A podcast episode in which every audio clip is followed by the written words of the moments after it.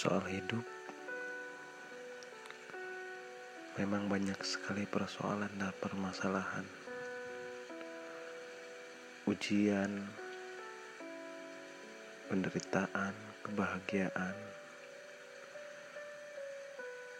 Itu selalu menghampiri manusia.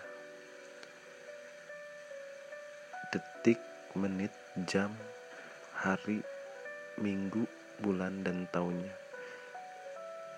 Semua perihal waktu pasti ada indikator semua itu.